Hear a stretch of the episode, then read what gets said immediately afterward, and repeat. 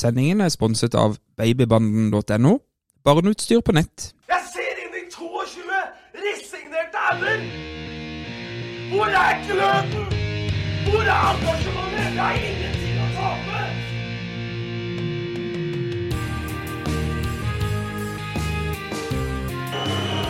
Ja, forlenges tid på Martin Ramsland. Skal du sette etter? Og så gjør han det! Martin Ramsland!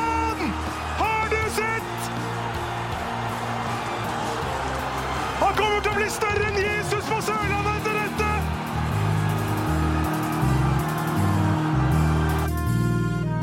Ja, velkommen til eh, ny episode av Start en pod. Episode fire i slengen denne gangen. Eh, Med meg i studio har jeg som vanlig Lars Benestad. Ja, hei. God kveld. Og Tommy Iversen. Hei, du. Ja, ja gutter. eh, Tenk at vi skulle få fire episoder.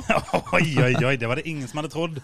Nei. Nederlagsdømt som Stjørdalsblink i Obos-ligaen. Vi, nei. Nei da, vi har ikke det. nei. Nå prøver jeg bare å utvise litt sånn kledelig beskjedenhet. Ja, jeg syns det kler deg dårlig. Det er klart Vi, at vi vi, har gått opp fra 40 til 43 lyttere. Nå ljuger du. Jeg gjør det. Ja. Men gutter, alle hører på oss. Ja, ja, alle faktisk. Til og med Davy Vatne hører på oss. Ja, ja. Han Hei, hater Davy. podkaster. Hei, Davy. Men det var jo hyggelig med gjest forrige gang. Ja, det var kjempehyggelig. Og så for en gøy gjest. Ja. Utrolig mye gode historier. Har dere ordna billett til sommerfesten som de pleier å ha? Ja, jeg fikk det. Jeg er i gang med smiskinga allerede. Jeg Jeg har tror, fått. jeg tror det må være bestikkelser som må til der. har Eh, fått. Fortrinnsvis kasser av øl, kanskje. Eller, eller saft, som Viggo sa. Lars, du har Ja. fått eh, klage, du. Jeg har fått litt klage, ja. Eh, ja, altså mm, eh, Jeg gjorde jo litt research når det gjaldt talenter i Start. Ja. Og der um, er det ikke bare jeg som har fått klage, egentlig. Også Tom som har fått en liten Jo, jo, men ja. eh, altså Vi sitter ikke på fasit. Nei, vi sitter ikke Vi på synser. fasit. Ja. Men det som er litt sånn, det er en Det er kanskje Jeg vil ikke si klage, det er et lite innspill. For at vi sa at det var kun Jaspe som hadde landskamp eh, i start. Og det er ikke riktig. Fordi Henrik Webb Dahl, han har også landskamper. Og eh, Adrian Sunde har ikke landskamper, men han har vært i en landslagstropp én gang. Gutter ni år. ja, det, De har ikke det i starten, vet du. Det, det, syns jeg Det syns jeg Benestad var veldig gøy. Herlighet. Ja, det er det billigste latteren du har hatt på lenge. Men jeg, tilbake til det med fasit. Det er bare én som sitter på fasit på alle disse tingene her, og det er Daniel Aase. det er Daniel. Ja, det er Daniel Aase. Og, og da kan vi jo bare vri over. Vi skal bare ta litt sånn hyggelig som kanskje er sånn bare semistartrelatert. For der Daniel Aase fikk rett, det var at det var jo håp for Fløy. Ja. Gjenoppstandelse på øya. Så vi må sende en liten hilsen til Stas tidligere trener Joey Hardarson. Ja. Ja, det er, Fytte grisen, altså. han får det til i disse her avgjørende han, kan, han, er jo, øh, hva skal jeg si, han er jo motparten til Tom Nordli. Han er jo mirakelmannen. Ja. Tom Nordli mislykkes jo i alle disse her eh, Avgjørende øyeblikkene. Mens Joey eh, får det Ja, til. Kristian Strømland Lien, eksstarter, limann i vinkelen på overtid. Og vips, så ble det andredivisjon på øya. Ja, det var jo flere det var, jo, eh, Men eh, Emil Pedersen òg? Ja, han skåret to. Så eh, Og Johannes Eftevåg. han spilte. Yes. Det er, start, det er startgutter, de Det to sistnevnte startgutter, der. Mm. og det er jo veldig gledelig at Fløy fortsetter i andredivisjon fra start. Låne ut unge spillere til. Fløy i andredivisjon. God utviklingsarena. Viggo. Strømme var vel inne på det i forrige podd, Mm. at det er en atskillig bedre arena å låne spillere ut til. Og du ser jo at det er noen av de Start har mest troa på, eh, som f.eks. Eftervåg, som nå er i Fløy, og som vel som trent spiller fast. Høyre, høyre bekk. Ja, er i Forsvaret et eller Ja. annet eh, sted i hvert fall, og kjempespennende. kjempespennende. Hvor mange mål hadde Fredrik Wilhelm Henriksen? Spiller ikke han der ennå? Mm, Nei. Jeg skulle nesten tro det. Han og Lars Christian Pedersen er fremdeles Ja, men det der var jo Fredrik Wilhelm Henriksen-derby mellom Ja, ja. Kjelsås og Ja, Det var faktisk det. det. godt, Han, godt etter at han uh, fikk eh, blått hår og debuterte for uh, debuterte for Start, så gikk han jo til Oslo også. Ja, stemmer ja. Og Arendal, Lars Nei, det, er, det, sp- det spoler vi forbi, da. Nei, det er jo stort at Arendal klarte å slå et Rogalandslag. Det var Agder. Ja, jeg skal, jeg skal strekke Rogaland. meg til å glede meg over det, men de kommer til å bli maltraktert av Hødd i kvaliken. Det tror jeg også. Ja. Men jeg syns det var gøy. det. Er lite oppsving for uh, Lite oppsving for sørlandsfotballen med at Fløy berga plassen. Arendal spilte seg inn i kvalik, og Nei, toget er parkert. Toget er parkert. Oh, nei, nei, nei, Nei, nei, Nei, nei, toget nei, er nei, nei, nei, nei, nei, nei, nei, nei, Du må knappen. få vekk Ja, den. vi nei, får se på lørdag, da. Men du, da skal vi bare dure på, gutter. Ja, Det er jo ikke så mye å prate om nå som ikke det har vært kamp, så vi må jo liksom ikke bare Men faste spalter, da? Så gøy er det ikke. Nei. Det Nei, er ikke men, så gøy å høre på. men vi har jo faste spalter, vi kan jo ta Ja da, vi kan gjøre det. Vi starta jo en ny spalte egentlig forrige gang, som ble kalt Heid og Bleig. Ja. Eh, og det kommer jo fra den eh, gode gamle fanzina Evig lojal. Ja, er det det? Eh, jeg vet ikke om eh, du skal begynne, Gimse? Jeg kan godt eh, begynne, og det er jo litt vanskelig denne gangen, siden det ikke har skjedd så mye. Eh, så jeg går litt sånn overfladisk til verks. Og den Heide denne gangen blir Jan Robert Mini Holmgren. Hvorfor det? Hvem er han? Det er eh, mannen i Stats trenerteam. Eh, en av Sindre Kjelmeland. Han som skal til Afrika nå? Han skal til Afrika. Ja. Det vil si, han skal ikke. Han er i Afrika. Ja, okay. Han dro på, på, på fredag. Så han er antageligvis ganske heid. Ja, det gjorde Eh, og Da har du misforstått den uh, spalten. Nei, men jeg, også, også har jeg et håp om at han skal være heid, at han skal finne den neste Ovello. Jeg vil heller si Mikkel, for det, han har jo vært i norsk fotball. Ja. Men, Hva er eh, oddsen for at Start finner en sånn en? Nei, men eh, nå må jeg jo si at jeg kjenner Jørn Robert litt, eh, så jeg har jo veldig tro på han. Men, eh, Men jeg leste jo det, det var vel en sag i FVN om Unnskyld at jeg avbryter her, Gibson, men der sto det noe sånn som at de skulle se en en 73 kamper om dagen eller noe. Ja, det var, om dagen, ja. var 500 agenter til stede. Jeg tenker, Hvis en spiller utmerker seg der, hvorfor skulle akkurat han eh, Holmgren få napp? Nei, det er jo godt spørsmål. Men det er jo ikke hans jobb. Han skal jo bare Rapportere tilbake til Åsmund Bjørkan? Ja, eller noe. Ja. Mm. Nei, nei, men eh, han er nok heid, og eh, den bleige, det må bli Kjetil Aasen, for han har ikke krøpet ut av hula si ennå. Så han sitter der borte. Og det er litt viktig nå, for nå går vi inn mot en, en uh, vintersesong. si. Da, da, nå er jo da de planlegger for neste år. Hva slags rammer skal Start ha? Eh, altså, Sportssjefen skulle vært på plass. Alt dette her. Eh, Tror du de jobber med det nå? men jeg tviler. Det er det som er så De gjør ikke det. Nei, det er det det som. Åh, det ser jo det med Ramsland. Nei, så Det eh, er ingen på jobb. Det er nestlederen i styret, han er på jobb. Ja. Ingen på jobb. Det er alene hjemmefest, og det er ingen på festen. Så Nei, ja, men er det, du, Kjetil Aasen har du hatt på Bleig før. ja det, var, det kan hende at det blir noen eh, som skårer selvmål etter neste runde. Jeg har Emil Grønn Pedersen og Johannes Heftevåg på Heid. Ja, Ja. Det er jo fløyopprykket, Ja, det er vi, altså Start har to spillere på utlån, og det er de to. Mm. Og de leverte jo til ståkarakter, de. Ah, ja vel, så det vil Ja, jeg si. Emil Pedersen hadde vel to skåringer. Han hadde to Ja. mål. Johannes Heftevåg spilte 90 minutter på Nei, han spilte ikke 90. Gjorde han ikke? Han ble bytta ut. Det var fordi at han hadde hørt eh, Joey snakke om det. Ja. Han har vært sjuk, så de tvang han til å spille 60. Han ville egentlig bytte ut ved pause, riktig, Riktig, men han tynte. Han blødde for drakta. Ja. Nei, men det er jo to startspillere som i hvert fall opplever en, en viss form for opptur. De må ta med seg det gode humøret inn i start. Yes. Så er jo jeg tvilsom på at Emil Grønn Pedersen noen gang kommer til å spille på noe særlig høyere nivå, dessverre. Jeg òg, men uh, Eh, under får- den. Ja, men det får vi ta en annen pod. Men eh, nei, jeg vet ikke, han er ikke jeg, jeg, jeg klarer ikke å se for meg han blir en fremtidig fast spiller på, på Start. Jeg gjør ikke det. Da, Da blir det Christian Lien isteden. ja, men han er jo ikke i vår eiendom lenger, er han? Han Nei, er vel blitt solgt til Fløyen. Ja, stemmer. Gitt bort. Så, også på Bleiga, like kjedelig som deg, Gimse. Har samme mann, Terje Markussen, fremdeles på Sri Lanka. Ja, og den siste uka har det jo vært litt baluba om ting han kunne tatt hånd om. Ja. Ja. Så ja, han får komme seg hjem, så skal vi se om vi kan få gjort noe med den bleige. Ja, Nettopp. Da er det min tur, da. ja det er din tur. Ja, jeg er uh, ganske Jeg er litt frekk. Jeg tar et Joey som heit, det. Han har jo vært starttrener denne sesongen, da. Ja, Han har vært starttrener denne sesongen, og så er han en tidligere startspiller. Og jeg, hadde, jeg var mm, definitivt ferdig med Joey som trener da han forsvant. Men eh, fortsatt en eh, bra fyr, og unner han den oppturen med Fløy. Og jeg tror han kan passe veldig fint til Fløy. Og jeg tror det er ålreit med en, en trener i Fløy som kjenner Start og er kjent i startmiljøet. Lettere å få det samarbeidet. Så han er min heite. Ja. Av mangel på så veldig mange andre. Ja da, men jeg, jeg, jeg, jeg støtter deg på den. Støtter du meg? Ja, ja, Ja, ja, fy faen. fader. Joe er en fin fyr. Åh, det ble, det ble det så varmt her inne. Ja. Og så tenkte, Forrige gang så sa jeg jeg skulle ha Martin Ramsland på bleik hver gang, helt fram til han skåra hat trick, og det syns jeg ikke. For nå er ikke han bleik. For jeg er forbanna for det her eh, kontraktgreiene. Jeg vil at Martin Ramsson skal være med videre. Eh, så derfor må jeg ta eh, Basilio Ndong som min bleige. For han klarte å skade seg etter tolv minutter på landslagsoppdrag. Og han er, han er en eh, spiller jeg vil skal spille. Han kan ikke drive og Fortell, skade fortell seg. litt om den landskampen. Så du hele landskampen? Jeg så hele landskampen. Og det var altså.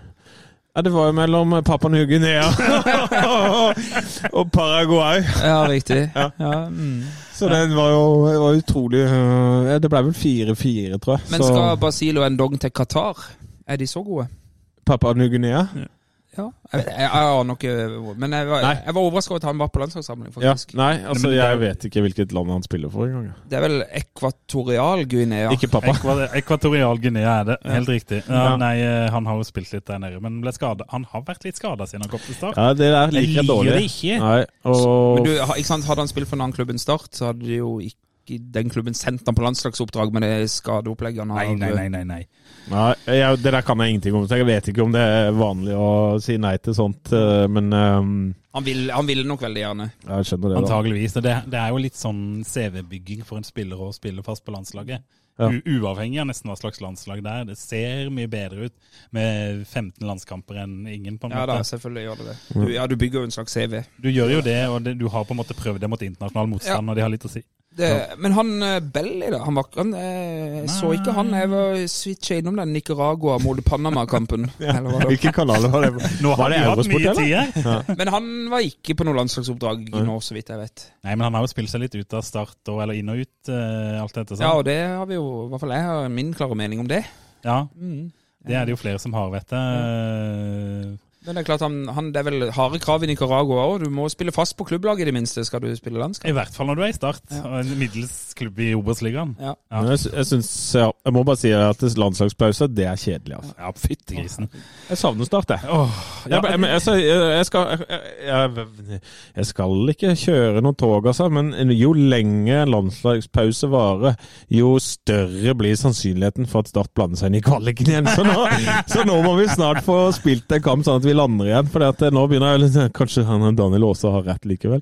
Så eh, nå må vi bli ferdig med denne sesongen og begynne å eh, resignere og eh, kvitte oss med ting og begynne å bygge opp til neste Men sesong. når var sist vi hadde landslagsspillere som skada seg på landslagsoppdrag? Oi.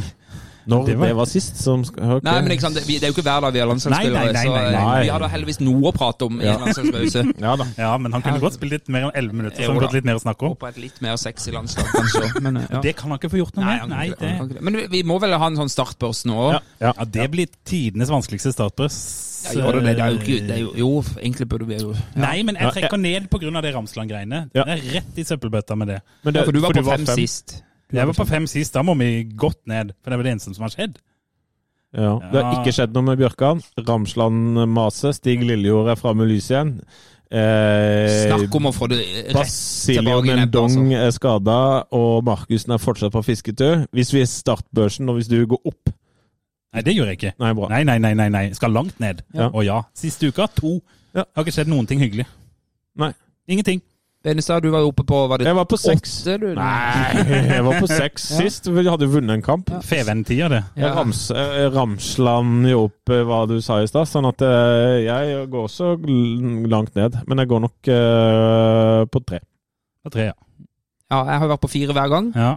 Gå ned til tre. Ja. ja, da blir det tre, da. Da var det meg som var med, men jeg blir så irritert når det ikke er noe hyggelig som skjer. Ja.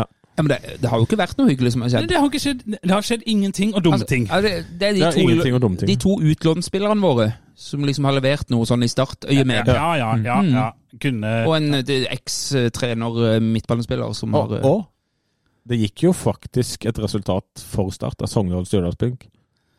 Uh, Ja, 1-1. ja, Ja, så det ja, ja. betyr at Start fortsatt kan gå forbi Sogndal. da. Så det, Ja, ja, ja. Det er jo fremdeles må vi vinne tre kamper på rad. Har du Ja. regn... ja, regner på det. Mm. Én pluss én pluss Nå må en, mattelæreren begynne å summere Nei, se mer opp her. så det, er- Det der tror jeg er et vanskelig regnestykke. Ja. det, jeg jeg skjønner jo at du ikke klarer å gi slipp på det toget hvis du til stadighet tenker at oi, nå ga Sogndal bort et poeng. Altså det Nei. Ja, ja, ja. Det er ingen tut-tut her, men jeg sier at jeg leiter etter det. Men og landslagspausen gjør deg ikke noe godt, tydeligvis. Nei da. Og vi har gjester, da! Ja! Da må han må vi si er faglig sterkere enn oss gutter. Ja. Det er vel Ja, eh, vårt Daniel Aas-alibi Ja, det må bli det. Ja. Vi har ikke sørlendinger her på Østlandet, men da får vi fanke meg ta en østlending, da. Men gjesten har jo ikke toppfotballerfaring, men han har kommentert mye toppfotball. Han har podkasterfaring. Ja, det har han. han har og jo, ser masse Obos-ligaen. Ja. yes, og Og han eh, har jo kommentert en legendarisk kamp. Det har han òg gjort. Mm, Det var nok vi eh, Toucher innom det. Han har sett mer av den enn meg. Ja, det, Ja, det har- det har han. Må slutte å snakke om det. eh, Ja, nei, ja. Men jeg tror bare Skal vi bare ta den inn? tar den inn. Ja.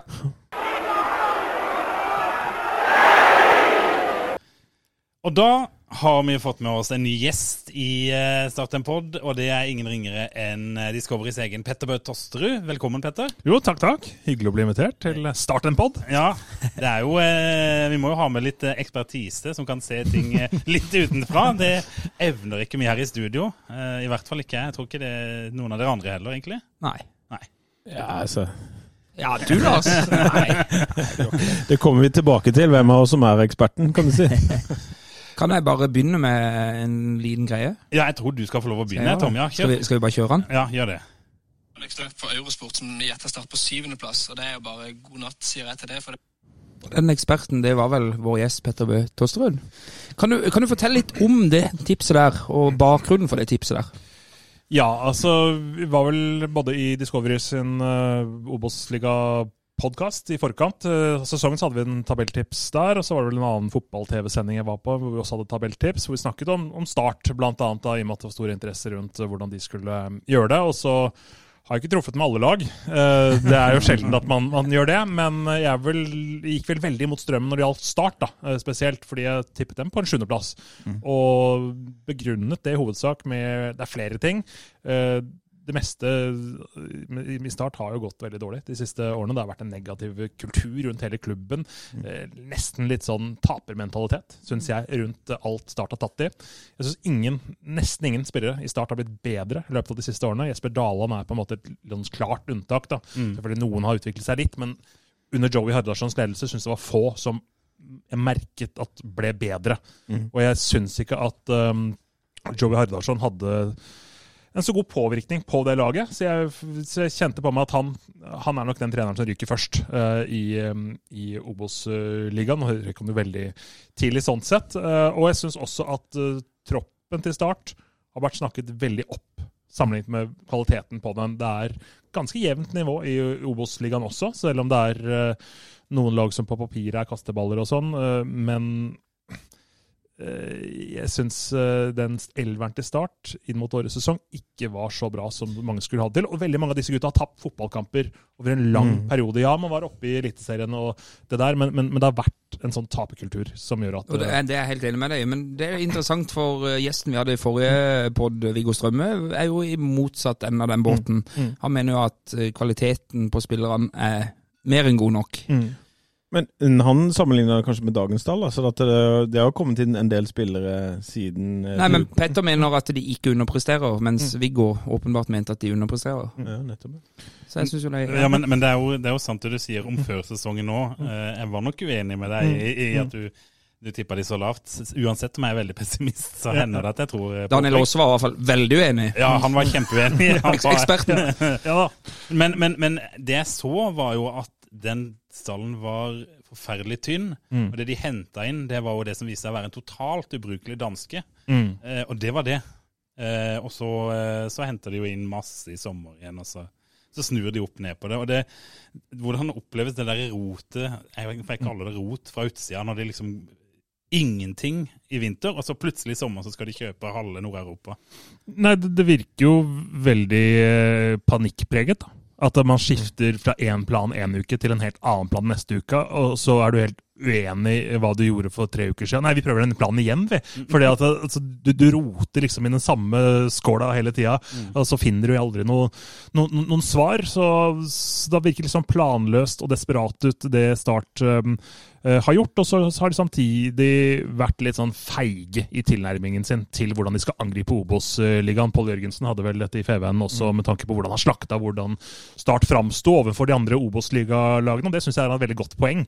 Eh, for at det, man møtte egentlig opp til Obos-ligaen litt som lua i handa. Altså, Start skal gå inn, slå inn dørene der og være litt sånn bøllete det, når de kommer eh, og møter disse lagene med mindre budsjett. Og så, mens, mens Start var forsiktige. Mm. Altså, de tok, tok eh, Stjørdalsblink-gutta og Åsane-gutta i hånda og presenterte seg. var litt sånn ja, De var for høflige. Um, og det syns jeg er- kjennetegner litt for mye i hvordan det har vært i den spillergruppa. Du savna rett og slett at, de var eh, litt høyere på seg sjøl, egentlig. Ja, Mm. ja, men s- samtidig så, har, så kan jeg si mot meg selv med tanke på det at de har jo ikke vunnet fotballkamper. Så det er ikke noen grunn til å være høye på seg sjøl heller. Eh, Så, så, det, så det, det blir en eh, Det blir en liten sånn mismatch når det gjelder eh, kvalitet og hvor høy man skal være på seg sjøl. Sånn som jeg har vært dessverre litt kritisk til Vegard Bergan, f.eks. Er han god nok til å være hjertet i laget, etter startforsvaret? Joakim Jørgensen, som har spilt med en veldig stor lønnspose der i mange år uten at han etter min mening har vist noe som helst eh, til å forsvare halvparten av den, den lønna. Det har du en hel landsdel med deg på. Så, så, jeg, jeg fant liksom ikke så veldig mange lyspunkter. Og så, ja, du kan si at Emma Markovic har hatt en god sesong nå etter hvert, da. Eh, men det er også en spiller som man egentlig har venta på. Jeg har vært svak for Emma Markovic i mange år og tenkt på hvilken posisjon skal han egentlig være best i. Jeg husker han spilte, han spilte vel en treningskamp mot Odd hvor han var spennende. Skal han spille en type, kanskje? Skal det bli posisjonen hans uh, etter hvert? Og så tok litt tid før han også plukket opp hansken denne sesongen. Ja. Schulze eh, Det er vel først egentlig i høst at Markovic har eh, virkelig levert poeng. Ja, og så har det vært litt usikkerhet rundt keepersituasjonen der. Doimland, bra keeper, og så Ja, så ja, Men det er jo litt sånn at du kan dele denne sesongen her i to, ja. Uh, liksom, med Joey sin periode, og hvor han egentlig bare fikk en danske. Han fikk jo egentlig delt ut svarteper fra eierne før sesongen. Ikke sant? Eh, og det var jo han som var trener når du kom med ditt tips, og det, det var situasjonen da. Eh, når Kjelmeland og sånn kom inn, tenkte du at oi, det tipset der kan fort ryke nå? Nei. Nei. Du, du, du tenkte at det fremdeles sto, på en måte? Ja, eh, altså Kjelmeland har fått, fått en knalltøff oppgave. Han kommer inn eh, og har fått utdelt noen brikker, som ikke er de brikkene han har valgt. Eh, han har en veldig veldig krevende måte å spille fotball på, men når det fungerer, så er det på en måte det laget har lyst til å se fotball, eh, spille kamp hver eneste helg. For det er, det er spektakulært, da, eh, med tanke på hvordan Åsane spilte på sitt aller beste da Kjelmeland var eh, assistent der. Og spillerne snakket jo i Åsane den gangen om at han skal ha mye æren for uh, hvor flink han er med detaljene, hvordan spillerne skal ha kroppen posisjonert i, i de og de posisjonene, hvordan de skal ta med seg ball på den og den måten. Sånn, sånn detaljkunnskap som uh, er veldig interessant for å utvikle spillerne. Uh, og sånn sett er jo Kjelmeland en veldig interessant mann for Start, for han kan utvikle det, det han har der. Men midt i en sesong, å gjøre de ekstreme endringene for hans del med spillertyper som i mitt hode ikke kler Kjelmeland-fotball. Eh, det er en vanskelig oppgave for han. Men tenker du det er de syv spillerne som ble henta i sommer, jeg vet ikke om du har full oversikt over de, men mener du at et par av de heller ikke passer hans stil? De ble vel håndplukka til han? Ja, øh, han har jo fått carte blanche. Han har jo etter hva jeg har forstått fått lov til å gjøre akkurat uh, nærmest hva han vil, og han har jo fått lov til å ikke rykke opp også. Ja. Det er vel noe økonomiske begrensninger på de spillerne henta. De har jo ikke kosta så mye, men Nei, ja. og, så- og, så- og så er det jo slik at situasjonen til start er jo sånn at uh, det er jo ikke alle som vil til start. Selv, selv, om dere, selv om dere er startsupportere, eh, og, og kan bli litt sånn blinde på det, så er det jo vanskelig for Start som fotballklubb å si at uh, ok, vi har kanskje budsjettet og ressursene til å hente deg, men hvorfor, sier spilleren, hvorfor skal jeg til dere? Ja. Eh, selv om dere kan gi meg lønna. Uh, hva er det som er spennende med å spille for dere? Uh, den, det budskapet er jo vanskelig for Start å selge inn da, så, så jeg skjønner jo poenget ditt med at eh, det er ikke bare å hente alle spillerne, men så kan man spørre seg var det nødvendig å hente sju? Ja, det er et veldig godt poeng. Eh, hva gjør det også med en spillergruppe? Er det de nye mot de gamle? Hvem er det som er fan av Kjelmeland? Hvem er det som blir villig til å dø og løpe den ekstra mila for Men det er uansett åpenbart at blant de syv spillerne så var det jo flere som passa mye bedre inn i stilen til Kjelmeland enn de som på en måte var der. For han kom jo Når han overtok, så var jo ikke disse syv spillerne kommet ennå, og det spillematerialet det var vel veldig få der som beherska den stilen. Det så Ja. du kanskje allerede i de to-tre første kampene. Mm. At her var det mm, Ja, da, da, da, da, gjorde, da var han, sa han jo at han gikk litt At han tok noen kompromisser og spilte litt mer sånn prim, primitivt i gåstein. Jeg husker jo en bortkamp mot Koffa, blant annet, hvor Ja. vi ikke var særlig pene å se på, men vi tok nå en, en seier. Mm. Uh, og, og, og du nevnte Vegard Bergan. Han er jo åpenbart en spiller som ikke passer inn i den måten å spille på som han ønsker. Og så kan vi også si at de spillerne som har kommet inn, da, de kommer jo ikke inn med noe bagasje. De spillerne som er i start, som har opplevd motgang, de kommer med en sånn tung bagasje. Det er vanskelig å dytte dem i gang da, når de bærer på den tunge bagen med motgang. Ja. Mens uh, Endong og uh, Tveita og sånne ting de, de er villige til å gi dette her en sjanse på en litt annen måte, kanskje. Det er litt sånn tungt å dra i gang et nytt prosjekt for de som har vært inngrodd i startkulturen over en Ja, nå har vi periode. ikke sett sånn ut på Tveita de siste matchene. Nei, men, nei, jeg sier ikke at han har Ja, ja. men, men, men jeg tror det kan være litt lettere uansett å selge inn ideene sine Ja. til spillere som vet at du vet hva, jeg er blitt henta av deg. Mens, mens eh, de som er i start, de har på en måte bare fått valget om at ok, det er du som trener oss nå. Mm. Det er en litt annen inngang. Og mange av de har jo eh, spilt under 48 trenere i starten. Og du har jo, Mm. du tar Henrik Ropstad, han kom vel etter 2015-sesongen til start. Og i 2016 eh, nå, må, nå må jeg tenke, for nå begynner det å bli vanskelig. Det var Steinar Pedersen.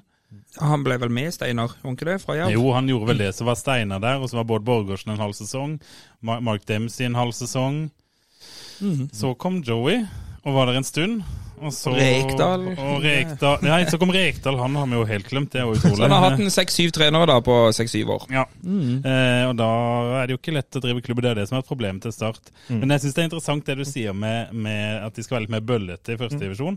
For for Start har hatt såpass mange nedrykk at hvis vi tar tilbake til 2011, da rykka Start ned. Mons Ivar Mjelde hadde nettopp fått eh, jobben, rykka ned likevel. Men i 2012 så gikk det jo pang inn, dominerte den uh, Obos-ligaen, og rett opp igjen. Og Da føltes det så ut som det var en sånn soliditet i det. Her, ja, her er Start, her vi skal rett opp igjen. Det var aldri noen som lurte på at de skulle rett opp, og gikk rett opp igjen, selvfølgelig. Og hadde et par ålreite sesonger i Men også det 2012-laget i Obos-ligaen er Ja, det var kanskje det beste ja, ja. mm. Obos-ligalaget vi har hatt. Williamson på topp der. Det var ganske spenstig. Vi hadde jo, vi hadde jo en viss eh, salgsmann i Lillestrøm òg på midten der, hadde vi ikke det? Å ja, Det det, ja. Og så hadde vi eh, ja, Gummi, Gummi, og Ovello og Det Sante var kanskje. det. ja, ja. mm, det Var var, og Oppdal sto i mål, vel? Eller kom han året etter? Han kom nok etter, Ja. er redd. Ja. Nei, men det, det er jeg helt enig med deg. Jeg husker Trond Aukland, som jo er en eh, liten fotballprofil, holdt jeg på å si. Han sa jo i Feven-podkasten at han var redd for at Start var eh, det som heter på Mandal greie gudet. Mm. At det var altfor mye snille gutter og ikke så mye bøller. Mm. Og det er kanskje noe i det. Ja, Da blir det lettere å akseptere tap, da. Ja. Ja. Ok, vi tapte den kampen her òg. Når er neste kamp? Det, det blir litt den eh, mentaliteten. Det er selvfølgelig litt sånn lett å si også fra utsiden, da. Altså, det, nå er det ikke sånn at jeg er i Svarta-garderoben eh, til enhver tid, men, men det, er, det, er, slik det er sånn man ser litt på hvordan startkulturen ser ut utad. Og så har ikke klubben vært flinke nok heller til å ha de lynavlederne. da. Mm. Eh, til å ha den sportssjefen som tar litt av støyten, som, som, som rekker opp hånda og sier vet du hva, dette var min feil, jeg bomma litt her og den biten her, så er det mange som egentlig står og skuler på hverandre, egentlig ingen som tar ansvar i klubben. Eh, Det har jo vært eh, mange som har hatt diverse hatter i klubben gjennom flere år, og så var det en vanskelig situasjon for Joey Hardarson også. Han var kanskje litt for lojal. Det tror jeg kanskje er hans største tabbe som starttrener. At han, at han um, kanskje på noen innledende møter uh, en del måneder før sesongen fikk noen lovnader, og så ble ikke de lovnadene eh, oppfylt. Og så svarer han da til uh, medier og støttespillere og sånne ting. Ja ja, vi, vi, vi får se åssen det går. Og, og da, da går liksom piffen litt ut av uh, hva skal jeg si, hele administrasjonen, tror jeg. da, Når man Ja, har en leder jeg som tror det, det er kjempepoeng, det der med Joey der. Altså. når han ikke stikker seg ut og sier at vet du hva, her er jeg som er sjefen, dette Mm. fikser vi. Det- Vi er Start, vi er i Obos-ligaen, vi skal ikke være her. Det er innstillinga du må ha. Du tenker at Joey ble sørlending istedenfor islending? Ja, ja, men altså, det er jo det er, de, snakker jo om det for å liksom sette det litt på spissen, at islendinger har den krigerske mentaliteten man skal jobbe seg vekk fra øya eh, og eh, oppnå suksess og komme seg tilbake og være vellykka på den eh, måten der. Og så ble man litt for sindig og litt for, for uh, fornøyd med bare å være i jobben, selv om jeg har respekt for at det er vanskelig også. nå. Ja, og du har jo kommentert noen startkamper uh, i, i årenes løp. Uh, kan bare spørre litt sånn hva, Når det er prat om start i dag da, i Discovery, Mm. hva er liksom gjen- gjennomgangsmelodien? Er det den åpenbare, liksom? Eller er det sånn Det er dessverre et litt sånn For min del, altså jeg kan ikke svare for alle de andre, men fantastisk flott by å komme til. ikke sant? Kristiansand er, øh, er noe spesielt, spesielt på sommerstid og sånn. Det, det vet jo alle, så det trenger jeg ikke å, å si. Kommer til en flott stadion. Vil noen si. Grusom stadion i mitt hode. Um, Utdyp.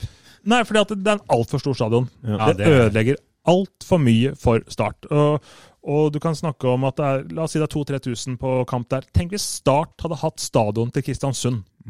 Et av de mest fantastiske stedene å komme til i norsk fotball. Du, du føler det jaget etter å få billett. Eh, På Sparebanken Sør Arena, og, eller hva man skal kalle det, Sør og, ja, Det bytter jo så mye navn. Og, på hjemmebane til Start Ja, ja. eh, så kan du komme inn ett på seks. Ja. Så kan du få den beste plassen, og du får omtrent mat og ponchoer og alt kasta etter deg, og klappere og oh, eh, startsanger eh, en masse, liksom. Det er ikke måte på.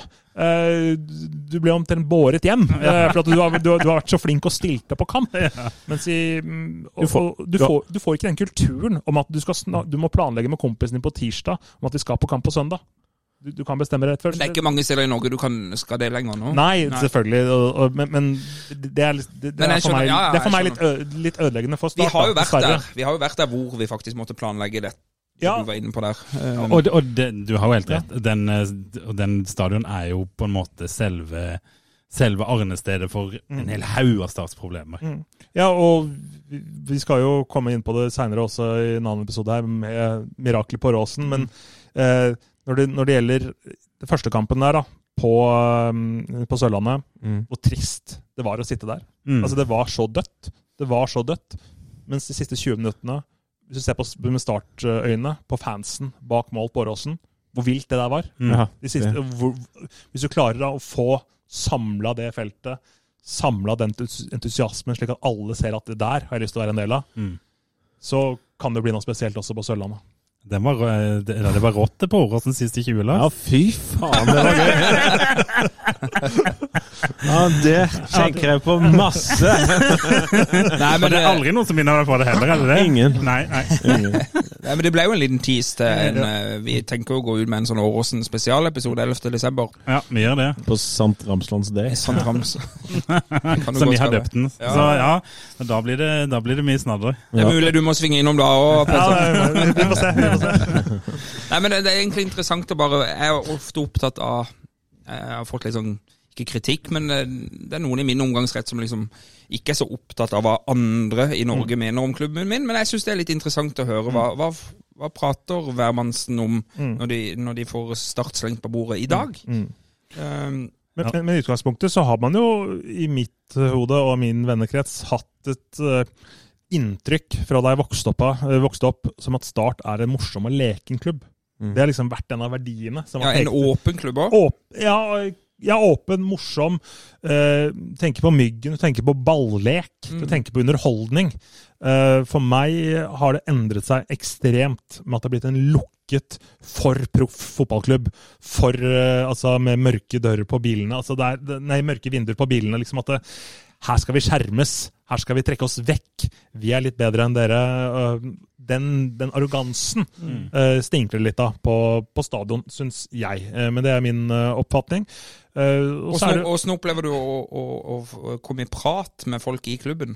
Som journalist eller som reporter? Er det nei, altså Spillere og trenere og de jeg har jobbet med, de har ikke, de har ikke noe problemer med. Nei, altså Det er hyggelige folk, og eh, for all del, og det er hyggelig overalt hvor du drar på Jo, jo. kamp i norsk eh, fotball. Så, det, så der blir man tatt imot.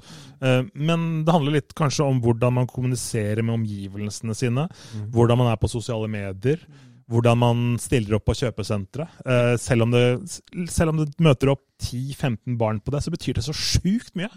For de ti barna som kanskje får møte eh, en Vikne, da. Eh, Og, Amen? Ja, ja, men så kan man diskutere hvilken Vikne som er best i disse dager. Men, men Eller Reinhardsen, altså. Ja. Sjøkvist. Altså, er- det er minner da, som skapes for disse barna som gjør at de har lyst til å gå på kamp. Og der er det jo eh, helt klart et forbedringspotensial, etter hva jeg forstår. At eh, klubbene må rett og slett gidde å by på seg sjøl. Jeg så jo eh, Før sesongen så hadde dere en sånn Obos-spesial hvor dere eh, hadde noen sånn live-intervjuer med noen representanter fra forskjellige klubber, og blant annet Start. da, Og da var det jo da var det jo styreleder på den tida som måtte mm. stå fremme. ikke sant? Det var litt mer der jeg var på jakt etter. Opplever dere også at klubben sliter med å komme ut med et budskap, og, og, og sliter med å liksom hva skal jeg si, ha de riktige folkene til å prate opp klubben? Ja, og så har jo nok det en sammenheng med at det har vært eh, mange som har bytta jobb da, i klubben de siste Mm. årene. Hvem er det som er stemmen til start? Det, det vet jeg ikke helt hvem er. Nei. Og så eh, stiller man noen spørsmål nå i disse dager da, til uh, Sindre Kjelmeland. Så spør man uh, Får Martin Ramsland ny kontrakt? Og så nei, det skal ikke han kommentere. Og da er sånn, åh, da gidder vi ikke å spørre. Du vet den det. som kommenterer. Du må ringe nestlederen i styret. Ja, ikke sant? Det er kun han som uttaler seg. og nå. da blir det tungvint som, eh, som eh, mediemann eller Mm. supporter eller sånne ting, hvis, eh, hvis ikke du kan gidde å ta stilling til det. For at du må være med som fotballklubb og skape engasjement rundt fotballklubben din. Du må, du må ønske at de skal prate om klubben din, Yes. istedenfor å si at prat med han, det vil ikke jeg svare om. Det er det viktigste til enhver tid. Ja. Og, og på en måte bygge opp verdien for de elleve som er på banen. sånn føler jeg det er annenhver uke. Ja, men, men og det, dette her er jo et poeng, fordi at hvis dette hadde fungert internt, altså hvis det Mm. hadde fungert helt optimalt sånn som det skal gjøre internt, så hadde de vel hatt et avklart forhold til hvordan ting skal gjøres, bla, bla, bla. Og da kunne Sindre Kjelmeland ha kommentert Martin Ramsland. Da kunne Sindre Kjelmeland ha kommentert andre spillerting, fordi han vet at det er det vi har blitt enige om her internt. Sånn skal vi ha det. Og så blir det litt sånn ja, det må du ta med egentlig med Terje Markussen, men det er visst litt dårlig telefondekning nede på Sri Lanka, har jeg hørt. Men det, da kan jeg jo eh, kjapt gå over til Vi prata litt om det før vi gikk på lufta her i dag, i forhold til ny sportssjef. Du, du var veldig tydelig på at du mente at det altså, få inn en sportssjef som kan være klubbens ansikt utad, eller sirkusdirektør. Mm, mm. Uh, hva, hva tenker du i så måte at uh, eventuelt Åsmund Bjørkan kan bidra med på, på det feltet? Altså, Åsmund Bjørkan eh, er en flink fagmann. En, en mann som har fått mye ros for disse trenerjobbene han har gjort tidligere, bl.a. i Alta. Veldig mange som snakker om han, at han var eh, flink der. Fått mye ros i Bodø-Glimt eh, også. Så kan man sikkert diskutere om han har vært den avgjørende faktoren for deres sportslige suksess eller ikke. De snakker han jo litt ned, da, virker det som, i, i Glimt og i pressen der oppe nå, sammenlignet med hvordan han har vært tidligere. Han har jo hatt en en vanskelig sånn rolle inn mot sønnen sin, og han var jo mer involvert i trenerteamet. Er jo fremdeles på feltet hver eneste dag, så det er ikke noen tvil om at de setter pris på kompetansen hans i dette vinnermiljøet han har vært med å skape. For han har vært klart å snu en kultur. Eh, Jeg vil jo si at sånn sportslig sett så var jo Glimt og Start ganske like før. Det var jojo-klubber som gikk opp og ned. Det var Glimt, Start, Sogndal som, som bytta litt på hvem som var i, eh, i Eliteserien en, en periode. Vi var vel bedre enn de for en tre-fire år siden. Ja, i 2018 tok vi slo de tre ganger. ja, men ikke, ikke sant Det sier at dere henger opp, opp i det. Ikke sant? Det sier litt om hvor, hvor tøft det har vært for, for Start. Så det er ikke noe tvil om at det er en, en, en spennende mann. Uh, men det jeg snakket om eh, før vi gikk på lufta her, er at det, for meg er det litt sånn underkommunisert hvor viktig en sportssjef er når det gjelder eh, det å være en lynavleder, det å være en fyr som tar ansvar, det å være en fyr som tiltrekker seg oppmerksomhet for klubben, en som vil stå og bli intervjua, en, en som vil stille opp på deadline day, f.eks. Uh, hos oss. En som vil bruke eh, et kvarter ekstra av sin tid hver eneste dag på å snakke opp klubben sin, på å involvere seg eh, til å bygge opp merkevaren. da. Eh, uansett om det er positivt eller negativt, men som alltid er der. For hvem er det som alltid er der i start nå? Det er egentlig ingen. Nei, det Eh, skulle være Terje Markussen, ja, og han har vært der i fire måneder og Og knapt han eh, skal uh, egentlig ikke ta de sportslige avgjørelsene, Nei. som er det folk er interessert i. Ja, og og det er jo skummelt også, ikke sant? Å gi eh, typer uh, som vil prate, for, mye, for mange muligheter til å prate. Ref. Koteng under, ja. uh, ja, under uh, trøblete, vanskelige tider. Som Mm. Koteng har trukket seg litt mer tilbake nå, som, som, som vi har sett. For han har fått en sterk, god leder i Åge Hareide. Selv om sport, det sportslige ikke går like bra, så har de fått på en måte organisasjonen på plass. Med tanke på at Hareide er trener, Dorsin er sportssjef, og da skjønner Koteng at da kan han tre litt tilbake. Men eh, sånn som du beskrev problemene i start, med tapermentalitet mm. og, og mangel på ledere, og, og, og at det er en tydelig eh, rolle utad, så beskriver du jo Åsmund Bjørkan egentlig ganske perfekt inn i den rollen, eh, som du, sånn som du beskriver han. da. Så, ehm, så eller hva tenker Men du du? baserer det på ting du har hørt fra dine kollegaer og Ja. folk i miljøet, da, ikke sant? F f eh, mine kollegaer, folk som har spilt under Åsmund Bjørkan, folk Mm. som uh, har holdt på å si forhandla med Åsmund Bjørkan, hvordan han er som eh, type. Uh, og så finnes det sikkert andre typer som også kunne passet inn, men det er en, i hvert fall et navn som jeg syns virker mye mer spennende enn uh, andre islandske navn som har dukket opp tidligere, som har virka litt kjedelig. da. Som har vært litt, litt av det samme som det de har hatt uh, før. Det er ikke noen tvil om at Åsmund Bjørkan liksom bobler over av energi. Altså sånn, En fyr som har lyst til å få til noe. Han er i en spennende alder eh, fremdeles, eh, Bjørkan. Og så eh, Så har han jo linken med Kjelmeland Knutsen-fotballen. Ja, helt klart. Men den, den fotballen er jo mer ballbesittende, den som Start og Ja da. Åsane-linken, enn Bodølin, som er mer direkte. Men eh, det er ikke noen tvil om at han er en, en trener som tenker eh, eller en trener eller fotballmann som tenker veldig mye på utvikling. Eh, Victor Boniface, eh, den nigeranske spissen til Bodø-Glimt, har jo snakket veldig mye om hvordan eh, Bjørkan var mannen som utviklet han til å ta steg i Glimt. Nå har han dessverre vært mye skadet, men at han setter seg ned med han, ser på video én og én, veldig god på uh, utvikling på den måten uh, der. Og det er jo interessante ting å ta med seg. eh, som kanskje gjør at uh, en spiller kan lytte til han på en annen måte enn hvordan treneren er. Det er liksom good guy, bad guy-greier som eh, fremdeles kan appellere til en del spillere. da. Ha en som er litt streng, ha en som er litt Altså, Jeg føler liksom tida er inne nå for at Start treffer. mm. Altså, altså Blind høne finner korn en gang iblant. Selv blind høne finner korn en gang iblant. altså. Og den siste, sport, den siste sirkusdirektøren vi hadde på Sørlandet, det var Svein Mathisen. Ja, det var jo litt sirkus med Tor Christian Karlsen. Ja, ja, men det var Ja, men han var jo Han var ikke så mye ute og skravla, han, utenom Nei, eh, de der eh, spektakulære delene deres. Med, med Svein var det jo et eller annet hele tida, og baluba og Kjolehei og i Ja, og ikke minst, TV2. du ser de spillerne som kom under hans tid. Ja, ja. Og han bomma mange ganger, men han fikk noen helsikes gode spillere. Og så var han jo det som Petter beskriver, han var jo ansikt utad. Han var der jo alltid snakka altså, Når han beskrev Myggen og Bolanjos sin fotballtennis, så var det jo verdensklasse! Ja, ja, ja. Altså, det var jo på en måte, det var jo ikke små ord, han var jo stor i orda og, og, og beskrev det jo på en eh, Altså, det var jo start på, eh, med store bokstaver hele veien. Så det, det er jo det vi mangler. Vi trenger jo en som står og snakker det. Og så tror jeg at eh, eh, trenerteamet som er der nå, trenger en til å, jeg å spare med. Altså, de trenger en enda mer erfaren som har stått i Mm. flere klubber, stått i flere posisjoner. Og jeg, jeg tipper at de egentlig savner en sportssjef som de kan uh, diskutere mer med. Og sånn sett så virker det jo som i hvert fall Bjørkan har noe i bagasjen sin. da. Og, og så blir det sånn sett veldig interessant å se hvordan de skal avklare den, det maktforholdet der. da. For det virker jo som om at Sindre Kjelmeland har veldig stor bestemmelsesrett i klubben, med tanke på at Kjetil Aasen er på en måte mannen som har skjøvet inn Kjelmeland, og dette er mannen vi har troa på. Denne sportssjefen, da. eh, Skal han bestemme over Kjelmeland, eller skal egentlig Kjelmeland indirekte kunne gjennom Kjetil Aasen bestemme over han? For da er det ikke en enkel jobb å få. eh, Hvis, hvis sportssjefen allerede føler at du kommer med masse entusiasme, men så sitter du der på kontoret og har hendene dine bundet bak ryggen, og du får liksom ikke satt den eh, ganske ferske treneren litt eh, på plass, da, som, mm. som treneren kanskje trenger å bli utfordret litt eh, på. Mm. For eh, jeg tror nok at eh, Som du er inne på her, at eh, en trener trenger å ha en å krangle litt med. Trenger å faktisk være litt Det, og det kan være Bjørkan. Ja, og det å trenger å være litt forbanna på sportssjefen, det tror jeg kan skape utvikling. Men som du påpeker, så er vel kanskje hovedutfordringa i Start at det nettopp er litt vanskelig å vite hvem som egentlig bestemmer i klubben. Mm, Så mm. hvem er det vi skal lytte til? Og Markussen er jo ansatt av Start en drøm og, og Kjetil Aasen, og, og Kjelmeland er ansatt av Mm. uh, styret som igjen Klubben. Altså, ja, klubben. Nå har du noe veldig store sånn gåstegn ute og går her. Ja, ja, men altså, klubben har jo Det er jo helt, altså, Alt styres gjennom Start en drøm, men hvem er det som bestemmer? Det er jo litt det samme nå. altså De kan jo ikke ta en eneste avgjørelse uten å ha hørt med han som sitter og fisker i Sri Lanka, og, og han igjen må kanskje ringe til Kjetil Aasen. Altså, det virker som det er en veldig lang rekke for å ta en beslutning, da.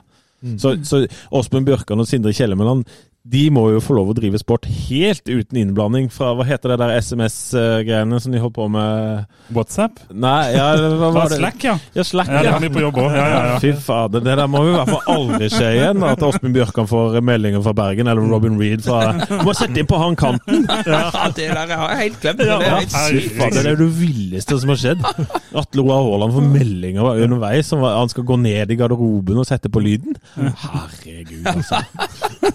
Det er så vilt. ja, det hadde jeg glemt. Men uh, Petter, i forhold til dette med Ramsland, du var inne på det eh, med ny kontrakt og, og sånn. Har du Stig Lillejord som er agenten til Ramsland, og han har jo også en historie i Start. Han er vel nå per definisjon ute av Start. Han er det. Men han drar vel i disse forhandlingene han drar jo en fordel av å ha vært på innsida. Selvfølgelig.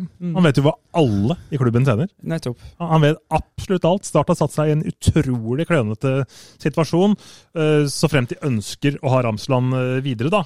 For det har du jo egentlig aldri svart sånn ordentlig på. Altså, Vi skjønner at Ramsland er på vei videre, og Lillejord snakker om noe interesse fra utlandet. Så kan man jo stille seg spørsmålet om det er sant eller ikke. Det, det vet vi jo ikke. Han får stå for det han sier eh, selv der, men, eh, men, men det, det var jo veldig mange som stusset da Lillejord kom inn i klubben på den måten der også. Det var eh, et merkelig valg den gangen, og de må måte betale litt prisen eh, av det denne Nå, gangen ja, også. Ikke sant? Mm. Det var jo det, det var jo det Jesper var jo beinhard på Mm. dette her, Jesper Mathisen, når Lillejord begynte. og det er, jo- det er vel akkurat når du ser prisen vi må betale, da. Ja, for Har det kommet ut én positiv ting av det? Klarer du å sette fingeren på én? Ett pluss? Nei. Nei, nei, nei, nei, nei. Nei, jeg vet ikke om det er skjedd ting som ikke vi vet noe om, i tilfelle. Nei, og med, den, med tanke på den kritikken Start har fått for nettopp det valget, så burde jo de klart å løfte fram eh, Ja, Lillejord var med på dette her, og, men det har ikke de klart heller. Da. Men han samarbeider vel mest med han som var aller, aller flinkest til å si ingen kommentar. Så det var jo Atle Roar Haaland som brukte Så da var det jo stort sett ingen kommentar, da. Men, Ja. Men øhm, jeg trenger også å få svar på om øh, Ramsland Det er det flere som lytter spørsmål om, men øh, bør Mm. Start øh, signere Eller få Martin med videre? Altså Han sier jo han er gul og elsker Start, og dette er hans store drøm å spille Start opp i Eliteserien og etablere det som en stabil eliteserieklubb. Og hele den pakka der, så basert på det, så skjønner jeg jo at det er veldig mange som vil at han skal eh, bli i Start. Sportslig sett så har han én sesong uh, i våre to øverste divisjoner hvor han skåra tosifra antall mål, og for Strømmen, vel. Uh, så har han én sesong med ni mål. Uh, den, Ja, det var vel en halv sesong han skåret de mål, da. måla. tolv kamper, så. Ja, Ja, det var, og, så sportslig sett så er det så er han ikke noen sånn superspiller. Eh, det er han ikke. Eh, men så lenge han kan signere en eh, kontrakt med ikke altfor høy lønn, eh, så ville jeg beholdt han i start, med tanke på at det ikke er eh, så veldig mange andre alternativer der per nå. mm. Men det er ikke en spiller jeg ville hentet utenfra, Nei, hvis nei. dere skjønner. Ja, ja, ja. Men, men siden han er i klubben nå, eh, så, så ville jeg beholdt han. Og Terje Markussen sa jo det litt tidligere i høst, at vi ønsker Ramsland med oss videre. Mm. Og det sa vel Lille Jord i en artikkel i Feven nå. Ja, og at det hadde vært Men de hadde ikke hørt noen ting Nei. etterpå. Helt tyst. Men, men er det ikke sånn at uh, Ryktet er jo at Ramsland har en ganske god kontrakt. Han tjener en del penger, og, og den, den er jo jeg enig med Start i. At det, det har han ikke gjort seg fortjent til å gjøre nå. Og den, Da må han ned i lønn hvis han vil bli i Start. Den er ferdig. Og, men er ikke disse uttalelsene til Lillejo Er ikke det en, et slags forhandlingstrekk? At, uh, for å få pressa det opp igjen? Jo, Lillejord skal nå fortelle omverdenen og Start og at hvor attraktiv denne spilleren de sitter på er. Det er ikke noen Ja. tvil om, og det er hans uh, oppgave. Men uh, da får Start si da til Martin Ramsland Ok, Martin, du elsker å spille for Start. Ja. Vis oss det. Gå med på en prestasjonsbasert kontrakt Ja. som gjør at du tjener så mye. Hvis du starter 20 kamper, for det har vært en del skada. Du spilte jo sesongen for halvannet år siden uh, halvskada fra starta der og trøbla med det og det. Skårer du mer enn ti mål, da legger vi på 200 000 på årslønna di. Kjør den ekstremt prestasjonsbasert. Da får han også bevist overfor alle andre at det, at, at det stemmer. At han, at han er så glad i Start. Da blir han også tvunget til å plukke opp hansken når det gjelder prestasjonene sine, når det gjelder å uh, være 100% til stede på alt han uh, gjør. For han har sikkert ting å gå på selv også. Men kan det være at han faktisk har fått det presentert på den måten, og at det liksom ikke har kommet ut? Jeg tror ikke han har fått noe. At det bare har Nei, vært jeg, helt så vidt jeg skjønner, så, Ja. så tror jeg nok det stemmer. At det ikke har vært noe Men vi må jo huske på at han har faktisk hatt prestasjonsbasert kontrakt. for Han har jo et veddemål om 20 mål. gående. ja, Vi har faktisk et veddemål. Ja, han har Vet ikke om du har hørt det, Petter, men hvis han, han, han, eh, Ramsland sa han skulle Eller han ble med på et veddemål på nyttårsaften. At han skulle gå 20 mål i Obos. Ja. Og vi, eh, hvis han klarte det, så skulle vi kjøpe en haug med øl til han. Og hvis han ikke klarte det, så skulle vi få øl, da. ja, det var under ti, var det ikke det? Under tida. Så jeg tror vi fulle i romjula. Ja, det blir fest, ja. Men så spørs om han gidder det hvis han ikke får ny kontrakt, da. Ja. Da røk de øla. Uff, da tar vi det rett fra trygda. Men som sportslig sett så er han ikke god nok til å spille være førstespissen for Start, syns jeg. Akkurat nå, slik de burde vært bedre i høst. Nei, men slik, slik de burde være. Ja da, jeg da, på hvordan. Start burde være som en toppklubb i Obos slash nedre halvdel i Eliteserien, så burde han ikke være god nok. Men basert på fremdeles en ok alder Han er vel 27 eller noe sånt. 28 eller- 7-28. Han har noen del år igjen. Det finnes et potensial der. Han kan skåre mål når den er i flytsonen, så jeg mener at det går an å få mer ut av han.